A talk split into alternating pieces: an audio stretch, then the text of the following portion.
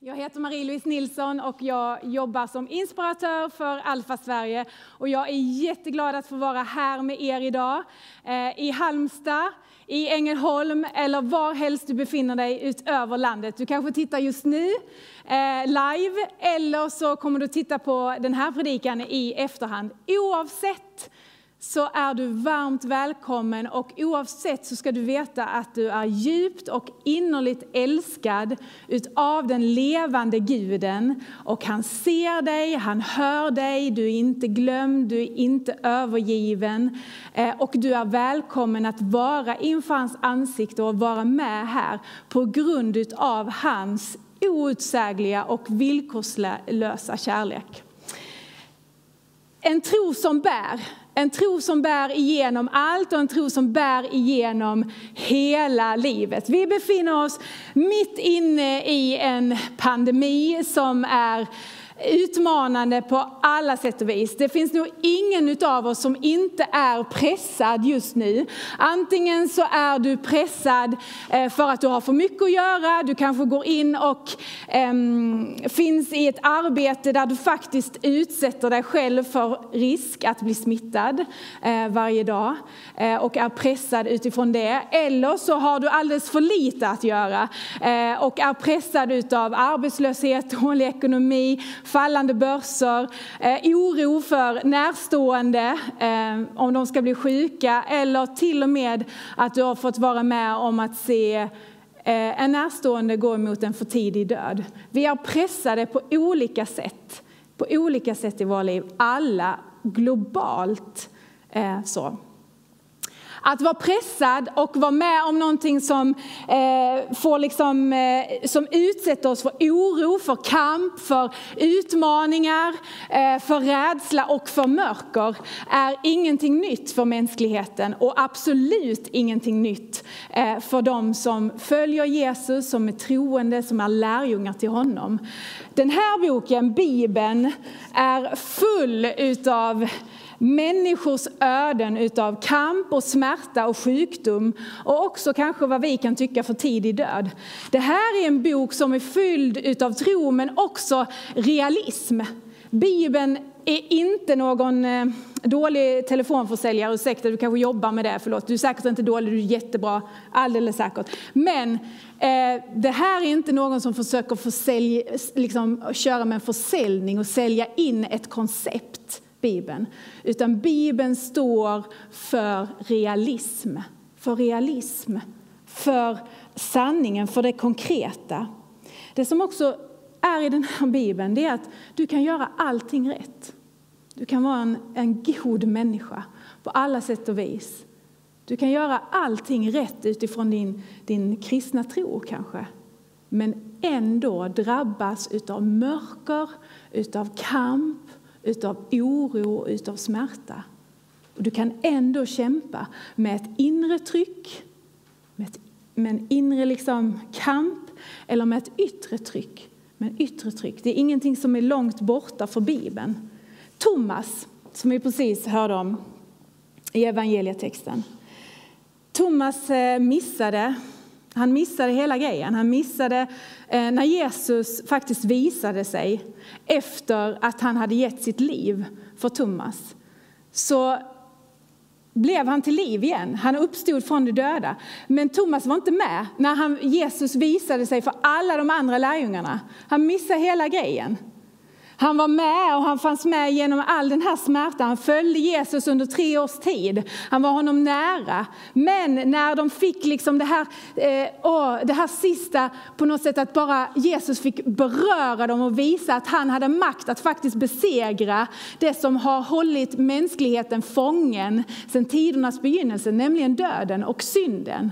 Så var inte Thomas där.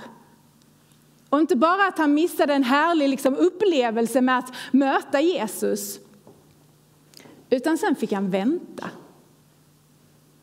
För Thomas, han, eh, för honom var det inte lättköpt.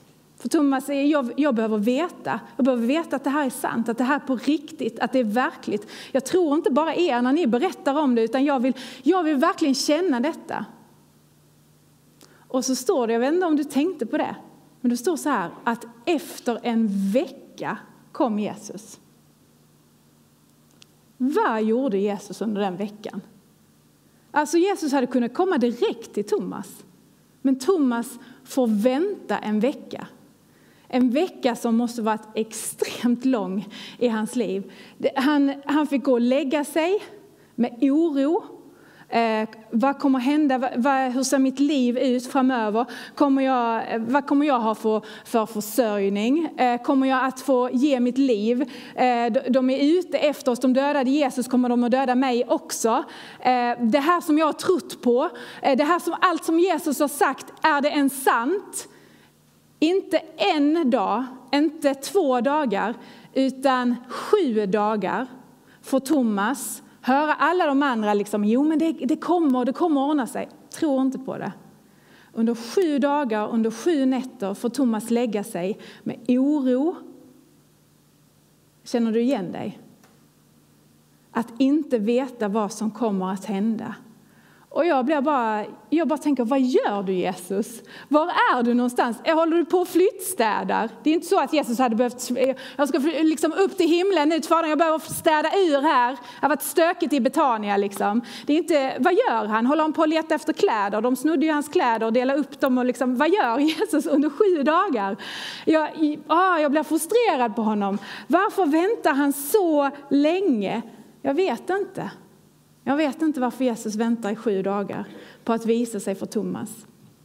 Men det jag vet det är att till slut så kommer Jesus till Thomas.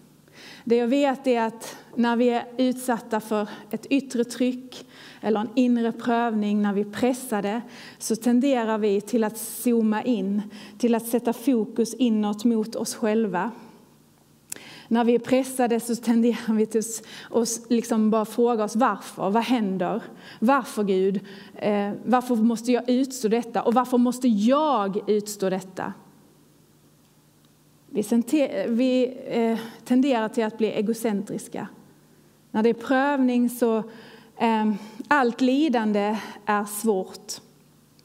Men när vi dessutom har orealistiska förväntningar så blir det ännu tuffare så blir vår prövning och vår smärta ännu tuffare.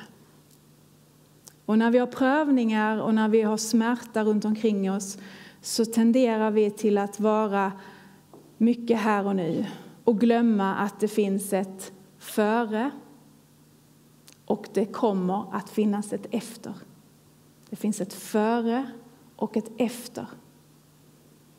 Och Jesus kommer till Thomas och han kommer komma till dig. Du kan göra allt rätt, men ändå få utstå oro och smärta. Jesus kommer till Thomas. Och i och med att Jesus kommer till Thomas så startar en rörelse. En rörelse startar i Thomas liv. Och lite längre fram fick vi läsa om vad som händer i första Petrusbrevet. Där aposteln Petrus skriver till dem, och lite innan står det, till dem som har skingrats, till de som lever skingrade över en ganska stor geografiskt område. Och den här rörelsen har, har liksom startats igång, eh, ett vittnande, ett delande om att Jesus faktiskt har uppstått ifrån de döda. Och det vi ser i, i, i första Petrusbrevet så är det att det, det är fortfarande kamp. Det är fortfarande prövning. Det är fortfarande en förföljelse. Man tänker ju så här att ja, men nu har det väl blivit bättre. Nej, men det är inte så att de som, som eh, eh, Petrus skriver till har liksom fått polistillstånd att berätta om Jesus. Utan de lever under en förföljelse, de lever under en kamp. Men trots det, trots det så växer den här rörelsen under kamp, under smärta, under förföljelse så växer den här rörelsen. Jesus, han vet vad det innebär att utstå smärta. Jesus han vet, och Gud vet hur en desperat människa låter. Hur en människa som är under kamp låter. Han vet det. Och han kommer inte att överge dig i en tid som denna. Hur vet jag det? Hur kan jag säga det? Jo, därför att Jesus, han stannade i Getsemane. Och eftersom han stannade i Getsemane så kommer han inte att överge dig. I Getsemane, kvällen innan han gav sitt liv på korset, så är han så pressad. Och han ber en bön, Jesus, i den här trädgården. Så ber han en bön om att om det är möjligt, så låt mig få slippa detta. Men så ber han också den bön som räddar dig och mig, där han säger inte min vilja, utan din, Fader. Inte min vilja, utan din. Om det inte är möjligt på något annat sätt så går jag igenom detta. Och eftersom Jesus stannade kvar i Getsemane, han kunde, det kunde kommit tusen änglar och bara räddat honom, sagt nu går vi. Han hade kunnat dra någon annanstans, men han stannade för att vinna tillbaka dig och för att vinna tillbaka mig. Så därför kommer han inte överge dig, därför att Jesus han gick in i mörkret. Han gick in i smärtan och han tog det på sig för att besegra döden. Och det vi läste i första Petrusbrevet, det är att utifrån det här korset, utifrån att han ger sitt liv, så har han fött oss till på nytt, till ett levande hopp genom Jesu Kristi uppståndelse från de döda. Vi är födda på nytt. Någonting nytt har hänt oss till ett levande hopp. Inte ett hopp som är dött, inte ett hopp som är plastigt, inte ett hopp som är liksom, ja, positivt tänkande hopp. Inte ett hopp som är utav rådande omständigheter. Har du sett den lappen någonstans här? På grund av rådande omständigheter så, och så bla bla bla. Eh, det är Jesu uppståndelse, hans seger på korset, har, handlar inte om rådande omständigheter. Vårt hopp är inte beroende av rådande omständigheter, utan vårt hopp är förankrat i himlen på grund av det som Jesus har gjort på korset. Därför är det ett, en seger som inte du kan förstöra, inte du kan fläcka ner, eller som inte kan vissna, varken på grund av corona, fallande börser, eller arbetslöshet, eller vad som än liksom må drabba oss så är det hoppet förankrat i himlen och står evigt fast. Står evigt fast. Ett hopp. Vi lever i ett hopp som troende som vet att det här, detta är temporärt. Men Guds närvaro är evig. Det här är temporärt det här vi står i, den här världen är temporär. Men Guds välsignelse, hans närvaro är evig är evig. Under 2000 år så har det funnits en rörelse som har vittnat och bekänt och levt ut att Jesus Kristus har besegrat mörkret, blev till liv igen, uppstånden ifrån de döda. Att det finns en frid mitt i stormen som inte är beroende av hur mycket det stormar omkring oss, utan där finns en frid att ta emot som inte är beroende av hur bra det går för oss och som ropar högre än arbetslöshet, som ropar högre högre än ett virus, som ropar högre än min oro. Och det är på riktigt, vänner. Det här är någonting som kyrkan har bekänt i 2000 år, att Jesus Kristus har uppstått från de döda. Det är på riktigt. Vi behöver inte vara rädda. Vi behöver inte vara rädda. Den största förlusten i en människas liv är inte att bli av med jobbet, även om det, det är fruktansvärt, jag vet. Eller att bli sjuk. Utan den största förlusten i en människas liv det är att inte ha fått lära känna honom som säger att vi kan få liv genom hans namn. Det var det sista vi läste i Johannes evangeliet. Att vi ska få liv genom tro att vi ska ha liv i hans namn. Det är den största förlusten, att inte ha fått lära känna och fått det livet. Så hur kan man överhuvudtaget säga, som man säger i första Petrusbrevet, att vi kan jubla genom prövningar? Går de omkring och bara, åh, bara jublar, åh, vad härligt det är, allting är, jag lever is, isolerad, i karantän. Oh, vad jag jublar. Jag får några av er som kanske är introverta, ni tycker, oh, vad skönt. Eh, så. Men oss andra, normala människor, nej förlåt, eh, oss andra som kämpar med detta, hur kan vi, och som kämpar under kamp, under mörker, hur kan vi säga att vi jublar? Jo, därför att vi har någonting annat för ögonen. Där finns någonting annat för ögonen. Och det är därför som Petrus kan skriva till de som är skingrade, för de som är förföljda, för de som utstår all den här smärtan, för de som inte vet, kan vi ens samlas? Vi kanske inte kan samlas till gudstjänst. Så var deras verklighet, inte så annorlunda från vår. Va? Men där handlade det om att de blev dödade på, om de samlades, om de bekände Messias. Därför kan de skriva, kan han, Petrus, skriva, ni kan, ni kan jubla därför att man har någonting annat för ögonen. Någonting annat för ögonen, nämligen Jesus och hans seger. Så, bara för att avsluta så vill jag säga till dig utifrån det här jag vill säga två, till två kategorier av människor och så alla ni andra emellan. Till dig som har levt eh, med Jesus under en tid, om ungefär mer än sex veckor i alla fall. Och, och liksom levt och haft en tro på honom, eh, befunnit dig i, liksom, i kyrkan.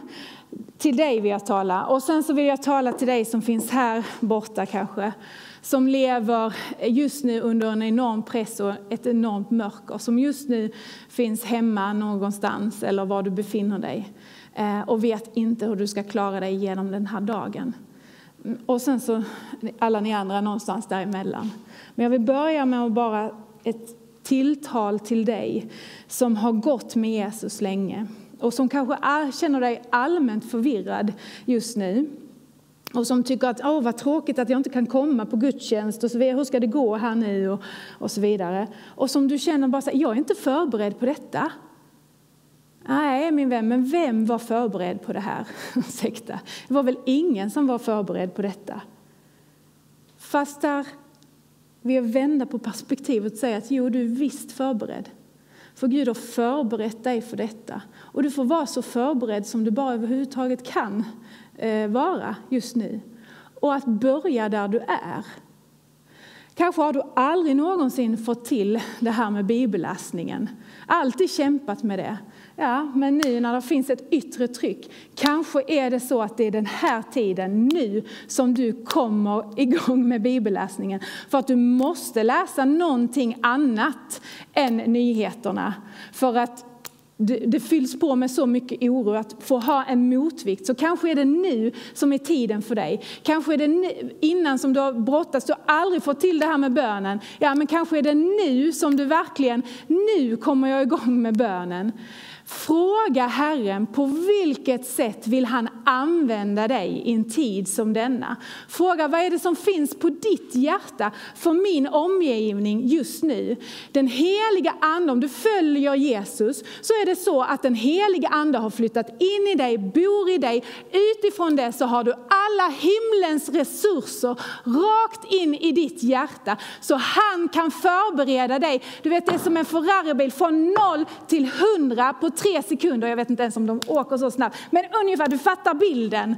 Du är så förberedd som du, behöver, som du kan vara, så be honom om att han fyller dig med kraft och att han kommer till dig på det sätt som du behöver. Du har fått så mycket. Har du varit kristen mer än sex, sex veckor så har du fått så mycket under den tiden. Och du har kanske varit kristen i sex år. Du har kanske varit i 60 år. Du har fått så mycket du har fått så mycket bibelundervisning, du har fått så mycket av vad han vill liksom ge och det behöver du ge vidare till andra människor nu. Om du så bara kan ett enda bibelord, så ge det vidare. Ge det vidare när du har avslutat det här liksom, och sett på detta. Ge det vidare när du går och handlar på ICA eller Hemköp eller vad du än är. Ge det vidare när du går på din karantänspromenad eh, eller vad du är. Liksom. Ge det vidare. Ge det vidare till den sjuksyster som tar hand om dig. Ge det vidare om det så bara är ett enda ord. Om det så bara är att jag har en tynande liten tro på att Gud faktiskt finns. Ge det vidare. Ge det vidare. Börja där du är. Det här är tiden att ge. Det här är inte tiden att stå tillbaka, att stagnera, utan det här är kyrkans tid och det här är din tid att resa dig upp, att ställa dig fram och att ge det som Gud har lagt ner i dig. Det är, vi är ambassadörer utav hopp. Det är det han har kallat oss till. Människors frågor kommer bara till att öka. Var de, var de många innan så kommer de vara ännu fler nu. De kommer bara öka och vi behöver ge dem svar. Därför att vi har fått någonting som står över och ropar högre än ett virus, högre än oro. Så be om att Jesus kommer till dig där du är. Be om frid över ditt hem, be om frid över din vardag. Att inte kunna samlas på gudstjänst just nu, mm, det är en utmaning. Men den stora utmaningen, vänner, det är att du är kyrka där du är och där du befinner dig. Det är den stora utmaningen. Det är ännu större. Att ge evangeliet vidare, det är det vi kallar det till nu att desto viktigare med den här rörelsen som startade med att Jesus uppstod från de döda, som startade och gav ge vidare genom liksom hela Nya Testamentet till dess att vi faktiskt står här idag. Det är den rörelsen, en lärjunge som får ge vidare till en annan lärjunge, som får ge vidare till en annan lärjunge. Om man inte blir begränsad av förföljelse och död eh, på, när, när Petrusbrevet skrevs, varför ska vi bli begränsade idag med all den teknik som vi har, med alla de möjligheter som vi har? Det finns så många redskap. Alfa, alfakurserna har betytt enormt mycket över vårt land och fått vara en del av den här rörelsen av att människor får ställa sina frågor och faktiskt få uppleva att Jesus är på riktigt. Och om alfa har varit viktigare så skulle jag säga att det kommer bara vara ännu viktigare för frågorna kommer bara att öka. Tänk om vi kunde ha en alfakurs i varje människas hem. Tänk om vi kunde få ha eh, många alfakurser över våra skolor. För helt plötsligt så är det helt fritt att bjuda in via Facebook, Instagram eller andra sociala medier till att ha ungdomsalfa, till att ha och så vidare. Vi behöver inte bli handfallna utan det finns vägar. Vi ser begränsningar, men Herren ser möjligheter. Och frågan är, hur kommer vi komma ur den här krisen? Det finns ett före och det finns ett efter. Att svara på människors frågor. Så till dig som har levt med Jesus, du är inte handfallen. Vi är inte handfallna. Det finns hopp. Genom död till liv. Vi är inte utslagna. Inte alls utslagna. Vi är inte uträknade. Prövningar är temporära, men Guds välsignelse, hans närvaro, är evig. Be om att få en tro som bär dig, men inte bara dig, min vän, utan människor i din omgivning. Nu är en tid att ge vidare. Nu är en tid att svara på människors frågor. Nu är en tid att lyfta att det finns någonting mer i den här världen än bara det som vi kan ta på att det finns hopp och tro genom Jesus Kristus. Så vill jag bara säga till dig som befinner dig här borta också. Där det kanske inte finns en enda människa som egentligen vet alla dina tankar och allt ditt mörker och all din kamp. Men bara för att du är utsatt för kamp och smärta just nu betyder inte det att du har gått vilse. Det betyder inte att Gud har övergett dig. Du kanske inte kommer få svar på ditt varför. Varför du blir utsatt på det här sättet just nu. varför det är så kämpigt. Men en dag så kommer du få svar. En dag så kommer din smärta att lyftas av dig. En dag så kommer du få svar på dina frågor. En dag så kommer du se varför, förstå och uppleva hans närvaro på ett sätt som du kanske aldrig har gjort. Du kan vara på en plats av stor desperation just nu, men du är inte vilse. Han vill röra vid dig, Jesus Kristus, och han går bakom reglade dörrar. Och han kommer till dig och han säger, min frid vill jag ge dig. Att få ta emot den just nu, där du befinner dig. Och någon gång så kommer du att förstå. Den här världen är temporär. Vi kommer inte helt och fullt bli befriade från mörker och smärta förrän den dag vi kommer hem till det arv som inte kan fläckas, förstöras eller vissna. Det finns ett efter, min vän. Du är inte ensam, du är inte övergiven. Det finns en tro som bär och som bär genom all smärta. Får jag lov att bara enkelt be för dig ehm, i en kort bön. Och känns det bekvämt för dig så får du gärna sluta dina ögon, sätta dig bekvämt eller stå bekvämt där du befinner dig. Om det inte känns bekvämt så kanske du kan gå iväg och göra det lite senare. Men jag ber.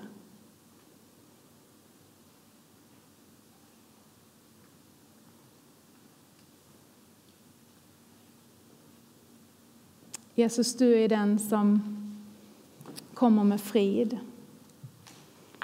Och ibland dröjer du. Och vi vet inte varför. Ibland får vi lägga oss med vår oro och med vår smärta. Och vi får vakna upp till en ny dag och den är densamma. Oron och smärtan. Och vi vet inte varför det dröjer, men jag ber Jesus om att du kommer just nu och ger uthållighet till de som kämpar, till de som brottas, till de som brottas med sin tro. Kom nu, Jesus, och rör vid dem. Så vill jag be för dig som inte vet om du har en tro, vet inte om du skulle vilja ha ens, men på något sätt har trillat in och sett det här. Jag ber Jesus om att du skulle röra vid den personen och skicka människor som kan berätta om dig, Jesus, till den människan under veckan som ligger framför. Och till dig som kanske känner jag skulle vilja öppna upp mitt hjärta, mitt liv för Jesus. Kan du bara enkelt just nu göra det tyst för dig själv? Och kanske vill du bli med i mina ord. Jesus, jag tar emot dig nu. Kom in i mitt liv. Förlåt mig för mina misstag, för mina synder. Rena mig från min skuld. Tack Jesus för att du har besegrat döden och att uppståndelsen är på riktigt. Hjälp mig att leva i den. Fyll mig med din heliga Ande just nu. Så vill jag också be för dig som bekänner Jesus som Herre. Och jag vill be för kyrkan i den här tiden.